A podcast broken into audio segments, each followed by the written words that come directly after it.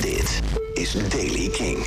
Vandaag begint de dag in het westen en midden met dichte mist. Verder veel bewolking in het midden en oosten. Vooral vanochtend ook nog wat buien. In de loop van de dag breekt in het westen en midden ook weer de zon door. Het wordt zo'n 21 graden. Nieuws over concerten na 25 september. Blossoms, Alanis Morissette, Paolo Nutini en nieuwe muziek van Tape Toy. Dit is de Daily King van woensdag 15 september. Michiel Veenstra.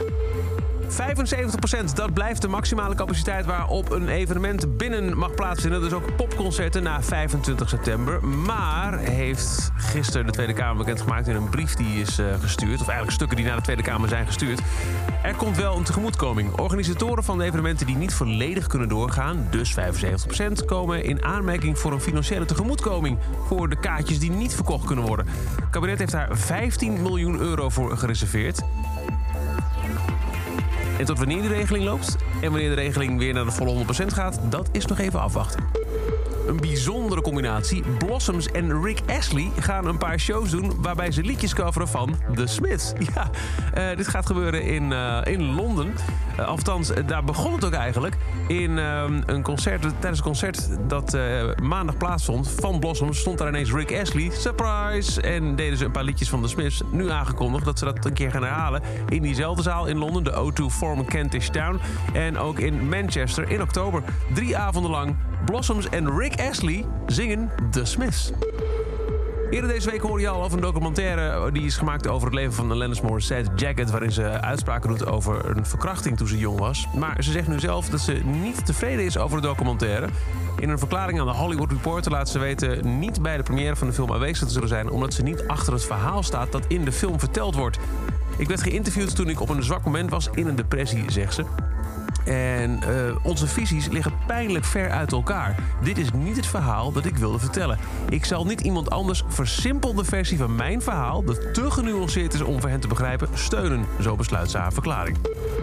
Zeven jaar lang leek hij verdwenen van de aardbodem, maar Paolo Nutini lijkt terug. Hij is aangekondigd voor het Schotse Transmit Festival editie 2022.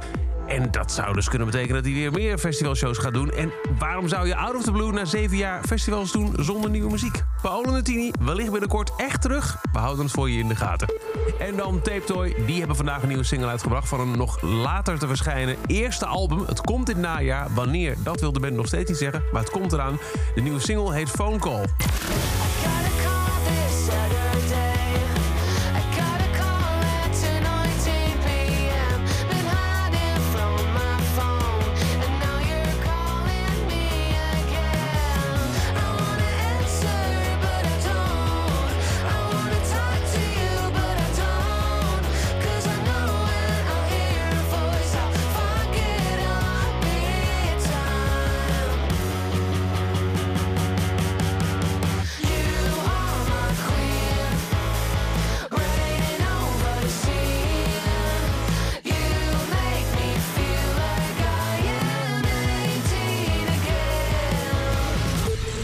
Tape heet Phone Call. En dat is over deze editie van de Daily Kink. Elke dag een paar minuten bij met het laatste muzieknieuws en nieuwe releases.